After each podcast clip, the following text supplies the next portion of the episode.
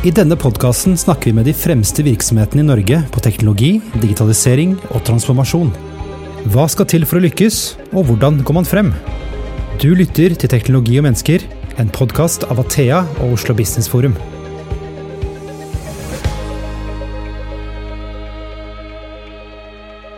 Da er vi tilbake med en ny episode i podkasten Teknologi og mennesker. Mitt navn er fortsatt Christian Brostad. Et tips, eh, hvis du abonnerer på podkasten, så kommer nye episoder rett inn i spilleren din, så det anbefaler i hvert fall vi som sitter her, da. Over til dagens tema. Eh, stort sett elsker vi virksomheter som snur opp og ned på bransjer, og som gjør ting på en annerledes og bedre måte. Vi kjenner det innenfor eh, musikk, film, biler, e-handel osv., og, så og nå skjer det også innenfor klesindustrien. Teknologien representerer jo både godt og vondt. Vondt er øh, hvordan plattformen bidrar til forbruksfest og klimakatastrofe, og godt er hvordan teknologien kan bidra til transparens når det kommer til informasjon om produksjon og klimaavtrykk, og ikke minst hvordan det kan fuele sirkulærøkonomien. I dag skal vi snakke om øh, fenomenet kinesiske Shin og deres hemmelige saus, som det heter. Dette blir ordentlig sausete. Eh, med dette selskapet så kom også begrepet ultrafast uh, fashion, og shoppingappen har jo tatt verden med Eh, storm. Jeg har sett på, litt på tall, og ifølge Bloomberg så er den kinesiske nettgiganten var veldig vanskelig å si, eh, verdsatt til svimlende 100 milliarder eh, dollar. I denne episoden skal vi se på forretningsmodellen og hvorfor de har suksess, og samtidig er en katastrofe. Ukens gjester det er eh, Preben Karlsen, som er daglig leder i Switch, og så Eirik Normann Hansen, som er daglig leder, rådgiver og, og uh, teknologioptimist, lovte jeg å si, i uh, Eirik Normann. Velkommen til dere. Takk. Tusen takk. takk. Jeg tenkte vi kunne, fordi Sheen er jo ikke uh, et nytt selskap, det ble etablert i 2012. Eh, Preben, når var det du første gang hørte om det? Du, jeg har eh, jobbet med moteindustrien en del år. Sittet i styringsgruppa til eh, NFHTA, som det heter. Som er de som organiserer hele innovasjon- og utviklingsarbeidet i norsk mote.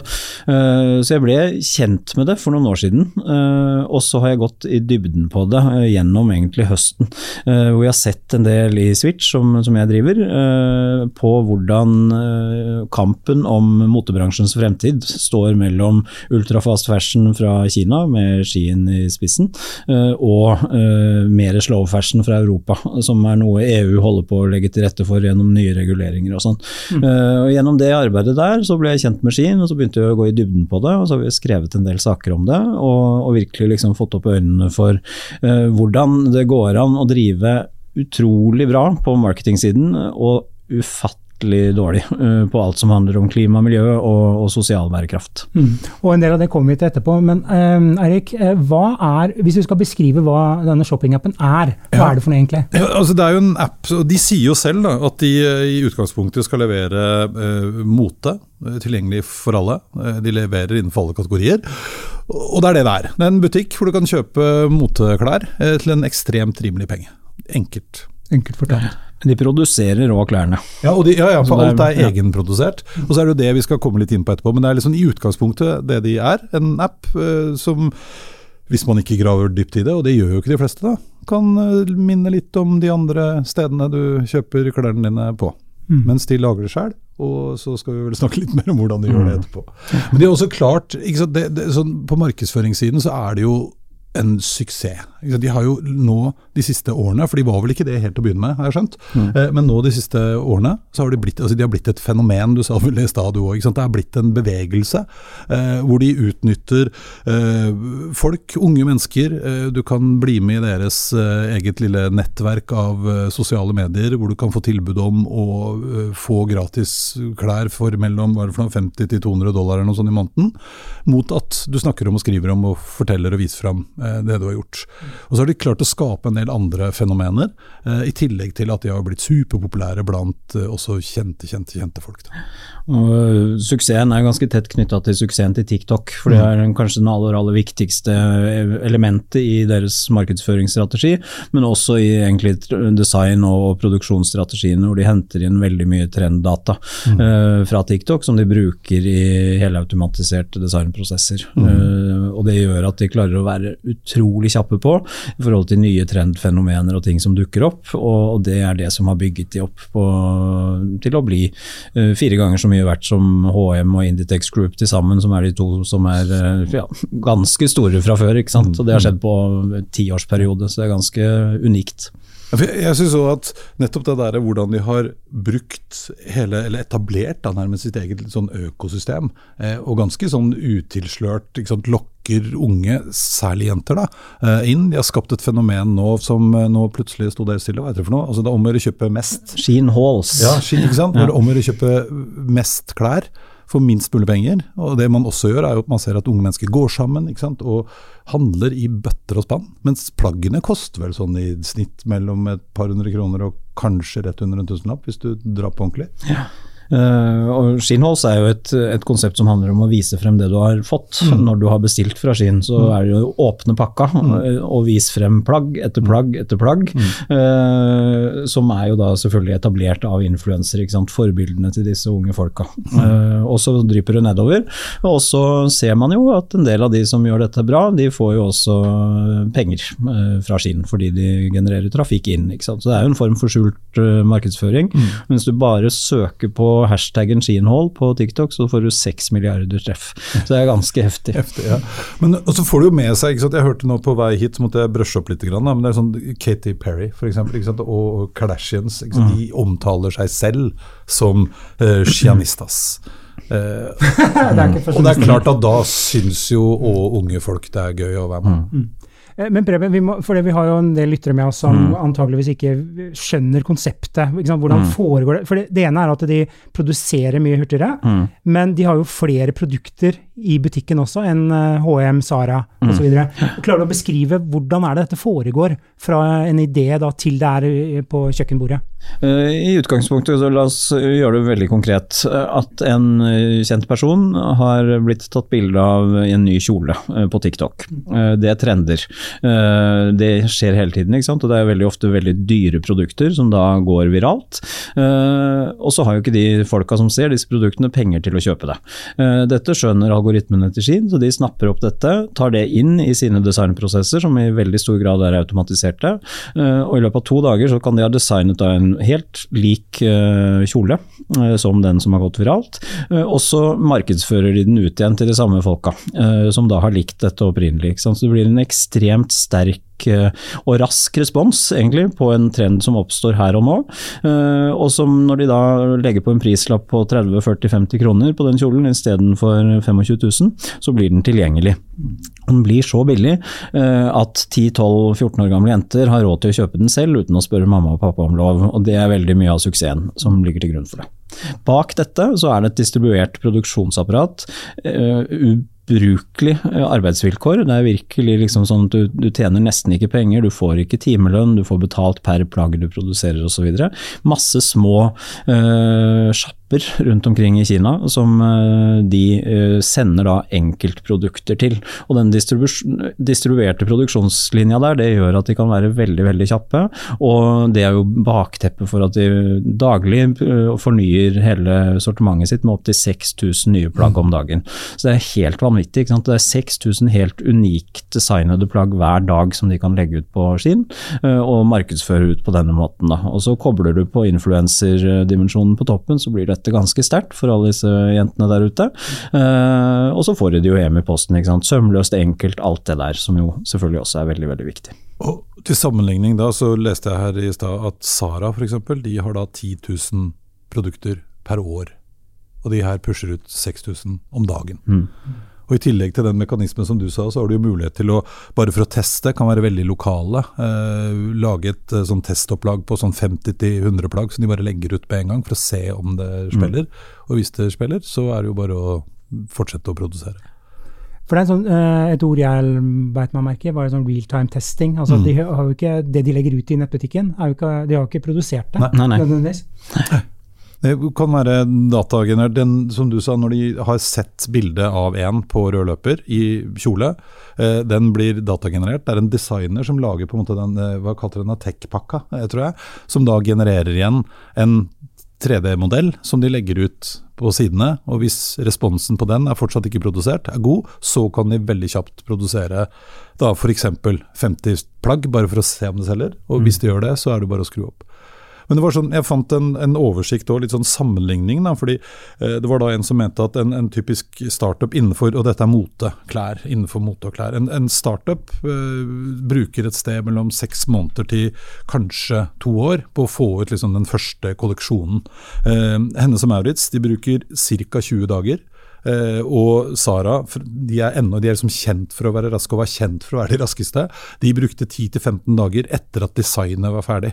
Mm. Så først må noen designe, og så bruker de 10-15 dager til å produsere. Uh, mens de her da, i løpet altså Man antar at man er liksom nede i et par dager. Mm. Det er jo sjukt. Det er det. Ja. Det er jo eh, rett og slett ekstremt imponerende. ikke sant? Det er jo kjempegode på alt som handler om digital markedsføring, og koble det opp imot design av produkter på en måte som aldri er gjort før. Eh, det som er jo litt trist, er jo at forretningsmodellen ikke eh, burde få lov til å eksistere, for den er så ødeleggende på alt som handler om klima og miljø. I tillegg til at de er helt avhengig av ekstremt billig arbeidskraft for å få dette gjort i bakkant. Så, det, er, det, er, det som er liksom det, det triste ved dette, er at vi kjøper klær som koster 30-40 kroner og tenker at det er greit. Eh, det burde vi bare ikke gjøre. Eh, det er alt, alt, altfor billig eh, til at det kan være gjort riktig med tanke på klima og miljø. Så, så det, er, det, er, jo en, en, side ved dette som ikke er spesielt positiv, og som, som, etter hvert får mer og mer negativ oppmerksomhet, uten at det ser ut til å bite så veldig hardt i forhold til deres kommersielle suksess, for den, den fortsetter jo. Ja, for jeg så også et sted der nå hvor de hadde åpna en pop-up-butikk. Det mener jeg var tidligere i år, i Paris. Og den gikk som en kule. Og til og med eh, bl.a. Eh, Cosmopolitan, eh, magasinet, de kom da med en veldig sånn hederlig omtale og skrøt av de, fordi at de òg er veldig inkluderende i forhold til størrelser. De produserer størrelser helt opp til fire ganger XL. Og som jo ikke alltid alle andre sånne supermotebrands gjør. Eh, og det har de liksom valgt å pushe fram nå. For jeg må innrømme at jeg aldri handla noe her fra før, men eh, når jeg var på, i dag morges så tenkte jeg kanskje jeg skulle laste ned den appen. Så jeg lasta ned den appen. og det som møter deg først, nå er det både Black Week, selvfølgelig, Black Year, med opptil 85% rabatt. Men det var veldig mye liksom, pushing av at vi òg lager klær i store størrelser. Mm. Så de spiller jo, sant, i tillegg til å utnytte da et ganske sånn sultent og, og marked som er lett å rive med seg. For det skjønner jeg. Det har jeg virkelig altså, stor forståelse for. At uh, unge gutter og jenter som liksom får muligheten til å få gavekort på 40-50-60, kanskje 100 dollar, det er mange plagg her sånn. Og plaggene er jo helt ok, altså, sånn kvalitetsmessig. I mm. hvert fall i forhold til den prisen. Klart det er uh, Og så får du stå på samme uh, post som Katy Perry, liksom, så kan det hende at du syns det er gøy. Mm. Grunnen til at de klarer å, å, å lage disse størrelsene, da, mm. det er jo rett og slett fordi de har den ekstreme smidigheten mm. i designsystemene sine og produksjonsriggen sin i bakkant. At de, mm. de, trenger ikke å lage disse enorme volumene. Dermed så kan de også til, tilby det, mm. uh, som jo for kundene er kjempepluss. Uh, men uh, det er basert på den samme, samme råtne modellen i bånn. Ja. så det, det, hjelper jo ikke noe. Men, men, jeg er helt enig med deg, Erik, at det, det er klart Eh, at unge folk velger å kjøpe billige klær eh, som eh, treffer på trend og gjør at de ser kule ut, det er ikke overraskende i det hele tatt. De er fostret opp i den verden der i det hele tatt. ikke sant? Men dette, denne type fenomener er jo med på å utdanne neste generasjons overkonsumenter, og det er et kjempestort problem. Ja. Ja, i tillegg så er det jo ikke lov i veldig stor grad å drive med markedsføring mot barn på den, på den måten. Nei, nei, nei. Og, men der har man jo ikke så veldig mye å slå i bordet med, fordi dette er kinesiske plattformer primært som brukes. Men jeg, jeg kjenner at jeg får litt sånn flashback til eh, gamle dager, holdt jeg på å si, når, når spill kom. Hvor vi voksne hadde ikke peiling på hva disse spillene var. Det var jo mm. bare spill, det kan ikke være så farlig. Jeg tror det er ganske mange, det er ganske få voksne uh, og foreldre som egentlig vet om det. Det er ikke sikkert de vet at barna har kjøpt klær eller kjøper klær der med jevne mellomrom, for det koster så lite. ikke sant? Mm. Det er bare en bitte liten del av, av ukelønna, så kan du kjøpe deg nytt antrekk i uka. ikke sant? Mm. En ting jeg tenker på, fordi uh, når man snakker med, med IT-folk i uh, næringslivet eller offentlig sektor, så har jo alle en våt drøm om å bli datadrevne. Og dette er vel 100 mm. datadrevet, ja. sånn jeg ja. leser det. Er det noe læring her for virksomheter, eller er det bare søl? Nei, altså det er briljant på marketingsiden. ikke sant? Altså, hvis du skal bygge en topptrimmet, uh, datadrevet markedsføringsbedrift, uh, så se til Skien, for all del. Uh, måten de jobber på metodisk for, på å ta til seg trender, hvordan de tar det kjapt inn, tester det i produksjon og skalerer det som funker. ikke sant? Det er jo skolebokseksempel alt sammen. Det er ingen andre som har klart det på samme måte ennå. Det er vanskeligere å få til, tror jeg, i Norge enn i Kina. Fordi vi har et strengere personvernregime bl.a., og det, det syns jo jeg er bra. Mm. Men, eh, men, likevel, grunnmetodikken er jo kjempebra. De er dødsgode på det de gjør. Eh, det er bare så synd at det trekker i feil retning når det kommer til de tingene som jeg er opptatt av, og handler om bærekraft. Ja, ja så tenker jeg jo at altså, hele produksjonslinja deres er jo også beundringsverdig. Utfordringen er jo det som Preben har vært innom mange ganger, at man, liksom, man utnytter folk og arbeidskraft og ikke betaler mennesker. Men, men jeg, det slo meg også her at hvis du liksom tenker litt forbi det de holder på med, og brukte det samme eh, opplegget eh, for å forutse at nå er det i ferd med å bli eh, kuldebølge i nærheten av den flyktningleiren hvor det bor 4000 mennesker som gjerne skulle hatt boblejakke i morgen. Så kunne man ha lagd det der, forutsatt at de som da lager dem, faktisk får det de skal betalt for. For det er noe med maskineriet her, da. både markedsføringsmaskineriet, men også liksom det å lage on demand. Mm. Bortsett fra at de er vel ikke helt altså Demanden her er jo også litt utfordrende. Men det er jo klart at altså, det er mye av de samme tingene som kommer til å skje innenfor moteindustrien i Europa fremover. For dette er et reguleringsgame uh, hvor, hvor, EU nå kommer inn med en ny tekstilstrategi i Europa uh, som kommer til å tvinge egentlig hele klesindustrien til å endre måten de, de lager klær på. Uh, Skien kommer ikke til å få lov til å selge klærne sine på det europeiske markedet i, i fremtiden fordi de er for dårlige. Uh, de inneholder for mye plastikkmaterialer, de kan ikke repareres, de, de, tar ikke ansvar for det gjennom levetiden. Så Alle disse prinsippene jobber EU med å få gjennom. Det kommer til å ta tid, men det kommer til å skje. Mm. Uh, og Da får man uh, som en, et resultat av det en mye mer lokal eller en regional uh, produksjonskjede på mote i Europa, mest sannsynlig. hvor alle de samme grunnprinsippene kommer til å spille inn for å få den konkurransedyktig. Og Da må du jo ha en helt annen fokus på hva du, hva du, lager og hva du treffer i markedet med det du lager. Eh, så du unngår disse overlagerne bl.a., som eh, allerede i dag er et kjempeproblem i den industrien der. og Hvis du flytter produksjonen til Europa og fortsetter sånn, eh, så er du ferdig. ikke sant? Så Da kommer on demand, da kommer det mye mer made to measure, altså mye mer av den biten der som kommer til å komme inn og være datadrevet på akkurat samme måten. Men mm. produksjonen kommer til å flytte hjem, og kvaliteten på produktene man, man kjøper kommer til å være mye mye bedre.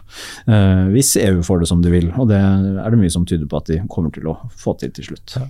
Da, men da kommer jo også prisen på produktene ja. til å bli mye mye høyere. Ja. Og, og, da faller jo litt av liksom hele holdt på å si, uh, mafiavirksomheten deres. Mm. Hvor man, litt som du var inne på innledningsvis, da, mm det koster så lite at jeg trenger ikke å spørre om lov til å kjøpe. Jeg har kanskje de pengene sjøl. Mm. Ja.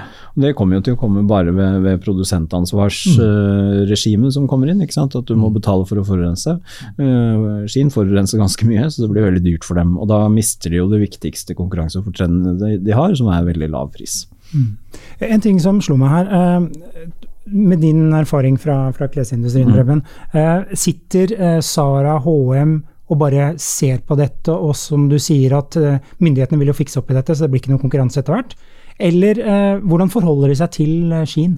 Jeg tror de jobber ganske aktivt med å møte de, selvfølgelig, og så se på hva de gjør bra og prøve å gjøre mye av det samme. Samtidig som de, iallfall HM, har en veldig uttalt bærekraftstrategi. De skal gå sirkulært, og de skal få det til innen 2030. Eh, og gjør masse for å, å, lykkes med det.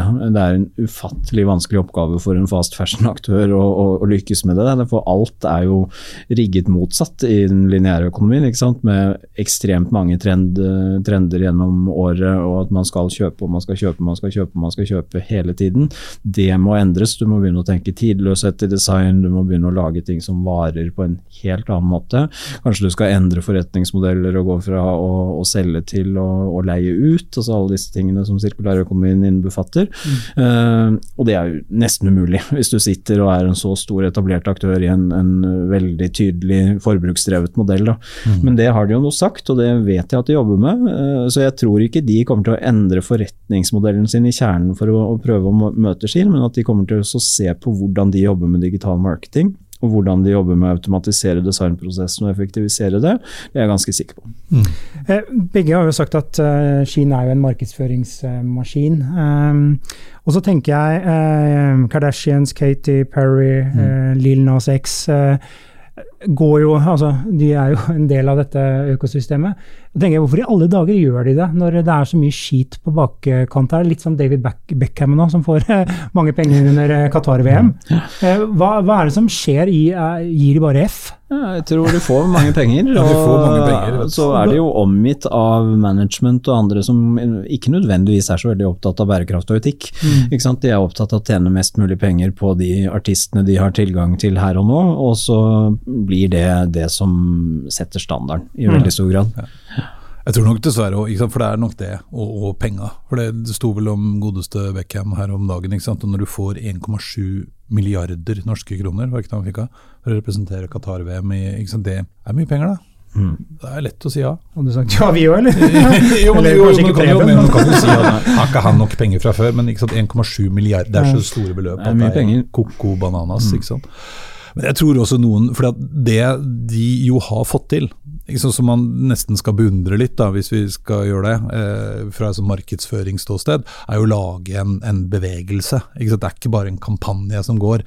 Akkurat nå er det et fenomen. Mm. Eh, og det å være en del av det fenomenet, da er det ikke så viktig Jeg tipper på, med fare for at jeg tar feil, men at Kitty Perry kanskje, eller Kardashians nok ikke bruker så mange klær kjøpt og lagd uh, her. Men, mm. men, det å være en del av dette i forhold til sin egen markedsføring, i forhold til de de når ut til, uh, har også en helt enorm verdi. ikke sant? Og da er det nok lett å, å enten glemme seg litt, eller dytte det litt unna. Og så er det nok mange som ikke helt vet heller hvor ille gærent det står til. Så er det jo nesten alle sånne nye liksom, suksessfenomener, de blir jo først hyllet, ikke sant. Mm. Og så kommer det litt etter at de har blitt en suksess, så kommer mediene og begynner å Hva er det egentlig som lurer seg på bakrommet her? Og så kommer skandalene. og Det er det man ser med Ski nå også. Altså, det gikk jo lang, lang tid uh, uten at det ble veldig mye sånn kritikk uh, mot de. Så hvis man skal tenke at disse store kjendisene liksom ikke, ikke, har gjort dette med viten og vilje, da, så kan det jo godt hende at uh, når de inngikk de avtalene, at uh, det ikke var like mye, mye uh, tydelighet rundt det. Mm. Selv om man bør jo selvfølgelig på det nivået gjøre en mye grundigere bakgrunnssjekk før man sier ja til noe. Men, men, jeg er helt sikker på at det handler først og fremst om penger. og så tror jeg, som, som Eirik sier, at de har fått masse igjen for det selv, fordi mm. Kina lykkes så innmari godt med å etablere særlig disse skinnhallsene som et mm. helt helt nytt konsept som bare, bare blir større og større, egentlig. Eh, både med de store influenserne, de virkelig store, og så har de jo tusentalls av sånne mikroinfluensere som spiller på lag med de, i de forskjellige markedene. Så det er en utrolig kraftfull kombo, det der. Altså.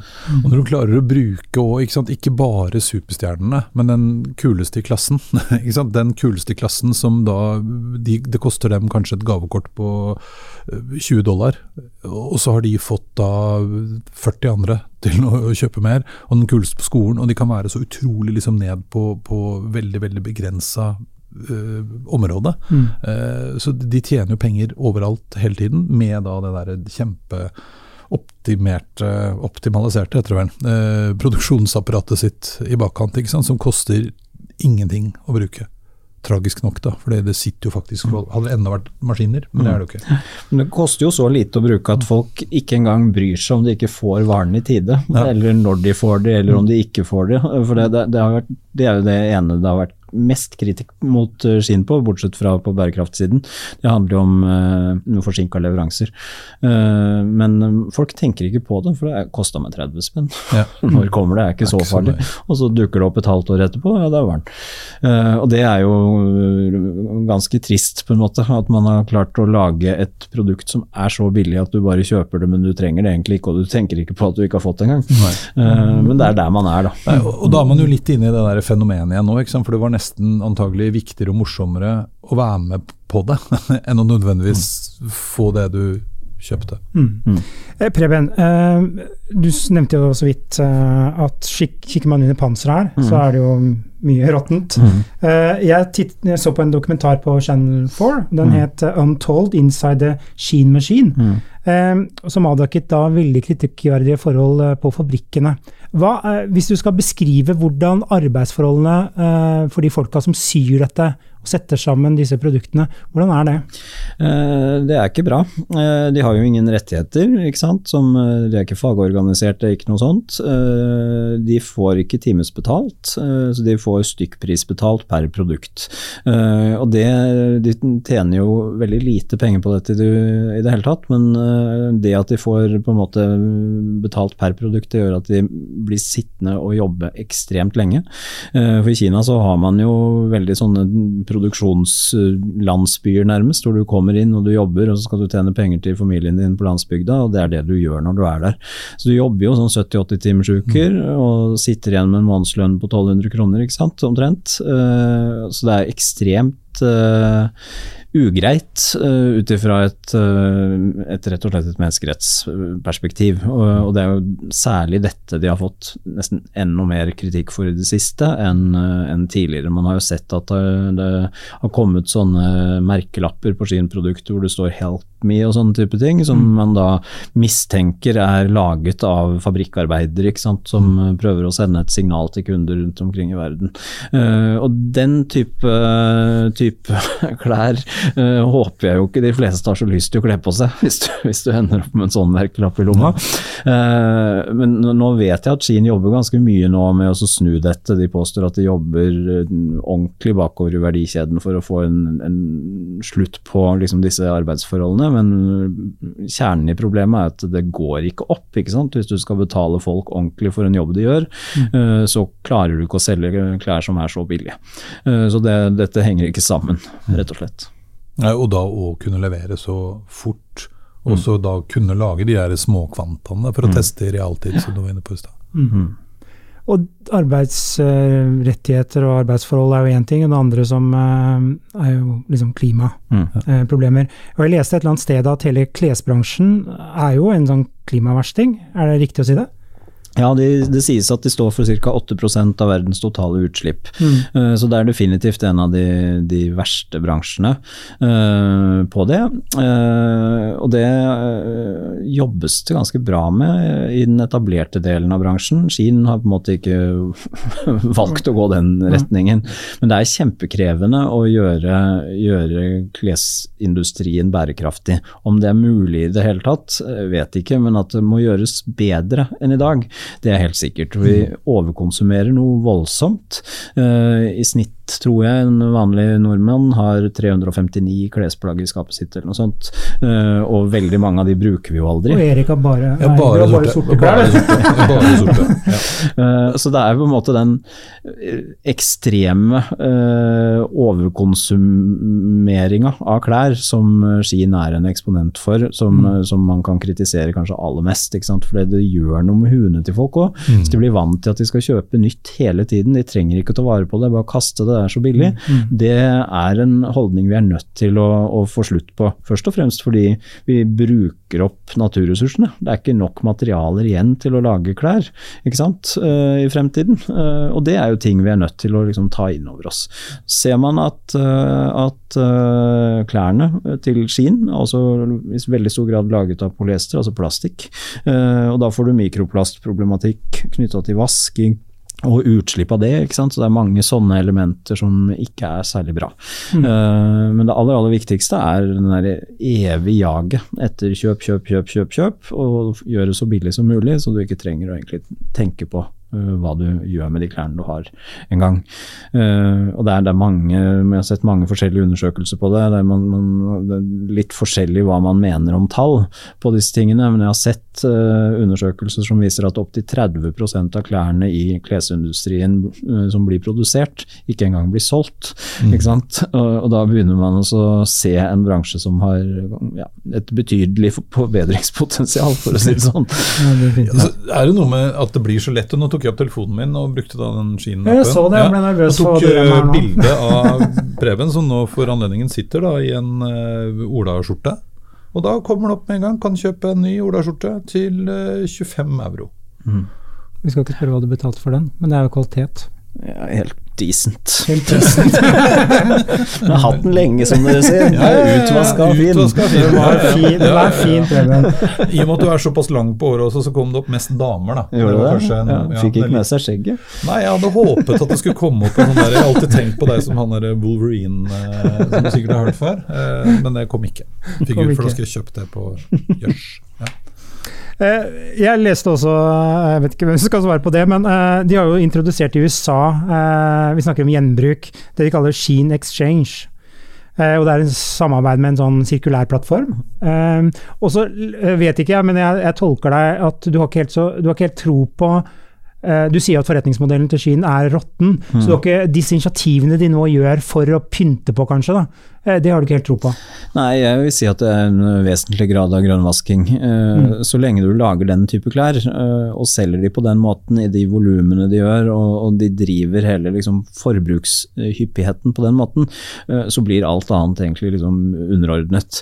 Klærne til Skien har uansett en veldig begrenset levetid, for kvaliteten er ganske dårlig. ikke sant? Mm. Så, så det å etablere den type konsepter, det er jo for å ha noe å vise til. Det er ingenting som som de kommer til å tjene mye penger på. Eh, og dermed så blir det heller ikke viktig for dem. Mm. mm. Ja, for det er jo litt altså, som du sier, når kvaliteten er så dårlig, og etter hvert som alle forordninger kommer på plass, i, så får de antagelig ikke lov å selge den dongeriskjorta jeg fant. Mm. For den er primært plastikk. Mm. og da hjelper jo ikke det så mye. Et stort spørsmål her er jo, um, gitt alt det vi har sagt, at dette er jo egentlig en katastrofe. Uh, så elsker jo kidsa dette. Mm. Er det bare pga. lav pris? Eller hvorfor har de fått så bra gjennomslag? Eh, er kidsa, skjønner de ikke bærekraft, eller og det er også litt rart, fordi at vi snakker om den oppvoksende generasjonen. De er jo så veldig opptatt av bærekraft, men ikke her. Myte det der, skjønner du. Okay. Ja, dessverre. La oss knekke den myten. Eh, jeg hadde et, ledet et stort, eh, sånn, en stor konferanse innenfor mote nå for litt siden. Da var Ole Petter Nyhaug fra Opinion der og prata, og han var veldig tydelig på det der. Disse ungdommene som skal komme og redde verden, de er ikke så veldig opptatt av bærekraft. Mm. Det er noe vi liksom har innbilt oss etter skolestreiken og sånt. men hvis du ser på atferden deres, så er det ingenting som tilsier at de er noe mer bærekraftige enn en eh, andre, snarere tvert imot. Eh, de kjøper eh, veldig mye billige produkter, ekstremt opptatt av pris. ikke sant? Det ser man også hvis man ser på bruktrenden. Hvorfor handler unge brukt? Fordi det er billigere enn nytt, ikke fordi det er bærekraftig. Og det, er jo en helt, helt ærlig sak, det. De har ikke mye penger, så de velger rimelige ting. Og så kommer det da i tillegg alle disse trendfenomenene influenserne og den ekstreme påvirkningskrafta mm. i det på toppen, som er målrettet til deg og deg og deg. ikke sant? Det er klart at det er en kraftpakke som det er ganske vanskelig å forvente at 10-14-åringer skal kunne stå imot. Uh, og, det er jo litt av den uh, hovedutfordringen med den digitale virkeligheten de vokser opp i. Altså de, de, de, er jo, jeg pleier å si at de er den første algoritmegenerasjonen. ikke sant? Mm. De kommer inn i en verden hvor alle konkurrerer om å gi dem mer av det de liker fra før. Uh, fra de er knøtta små. Uh, og da er det jo ikke så enkelt å liksom gjøre noe annet enn å surfe gjennom og det er søvnløst, det er deilig, det er himmelig, og si ja, ikke sant. Jeg tenker jo litt sånn, Tenk deg sjøl òg, jeg vet ikke hvordan dere hadde det når dere vokste opp, ja, men når jeg hadde liksom drømt om Levis-bukser med rød lapp, for det var det man skulle ha, så var jo ikke jeg i nærheten av Det er like hot i dag. Ja, ikke sant. Eh, så, jo, da var jo ikke jeg eh, som 14-åring eller 13-åring, eh, hadde jo ikke penger til det. Så da måtte jeg, Det måtte jeg ønske meg, jeg måtte gå til mamma og pappa, og så var det lang forhandling for å prøve å få det til. Når du nå får noe som også i en sånn eh, bevegelse som de har klart å skape, da, fremstår som faktisk noe kult.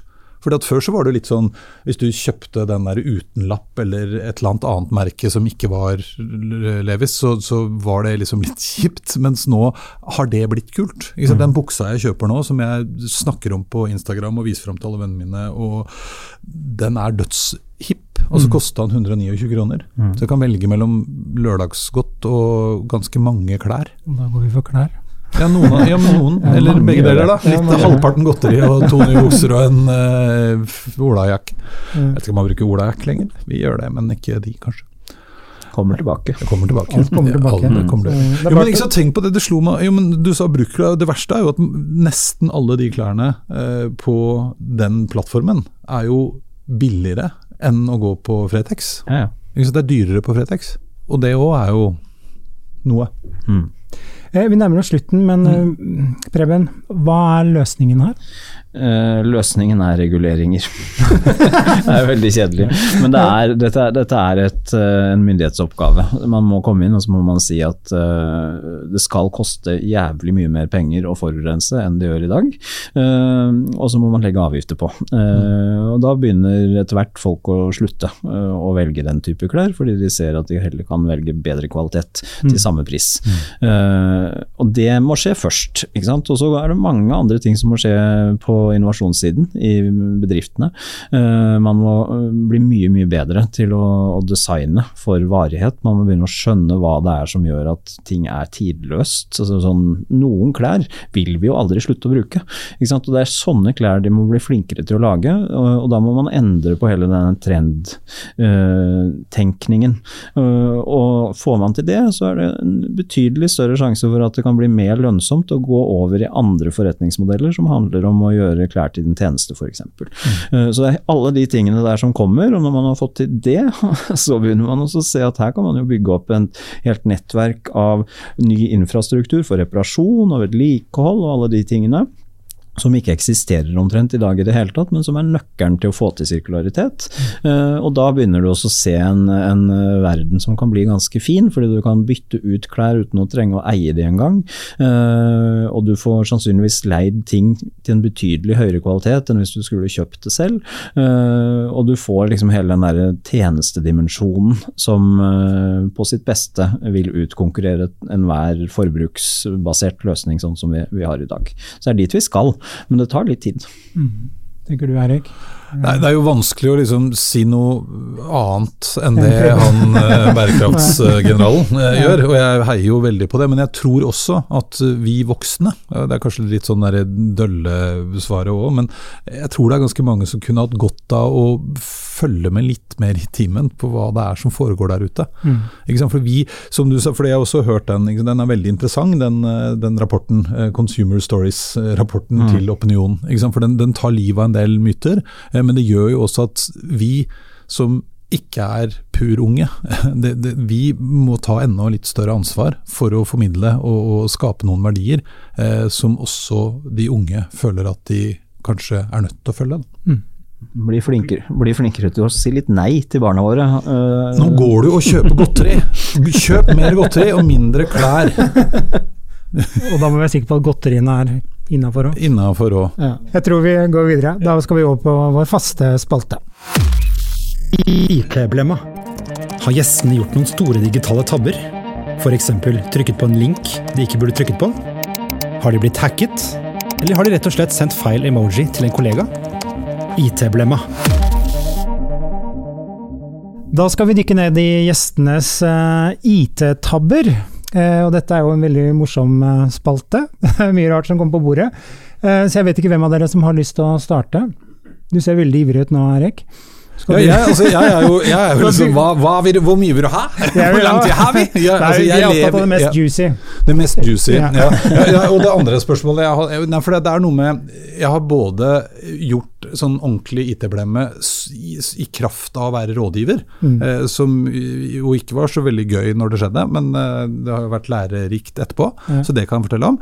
Ellers er jeg sånn litt ambisiøst prosjekt på hjemmefronten. Eh, ta hjemmefronten, ja. Hjemmefronten, ja. fordi jeg fikk jo Du vet at når, jo, men du vet, når iTunes kom, eh, det var kjempegøy. iTunes kom, eh, og jeg hadde et voldsomt system for å rippe alle, alle CD-ene, for det måtte man gjøre da. For det fantes, altså Du kunne ikke kjøpe så mye musikk, men man kunne drive og digitalisere sine egne Og jeg brukte altså sikkert et, jeg hadde et hav av CD-er, så jeg brukte jo helt vanvittig lang tid på det.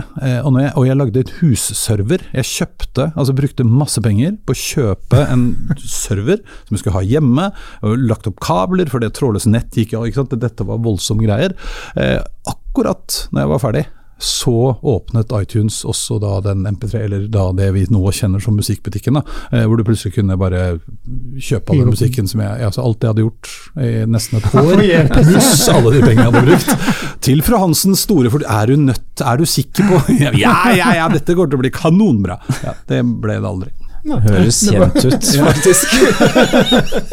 ja, det var kanskje et litt sånn litt, ja ja, man må lære i det, håper jeg. Ja, akkurat altså, det veit jeg jo kanskje da. Det var, da var da jeg begynte å bli interessert i den der eksponentielle utviklingen. Og skjønne vet du hva, dette kommer til å komme. ja. det er bra. Preben, har du noe juicy?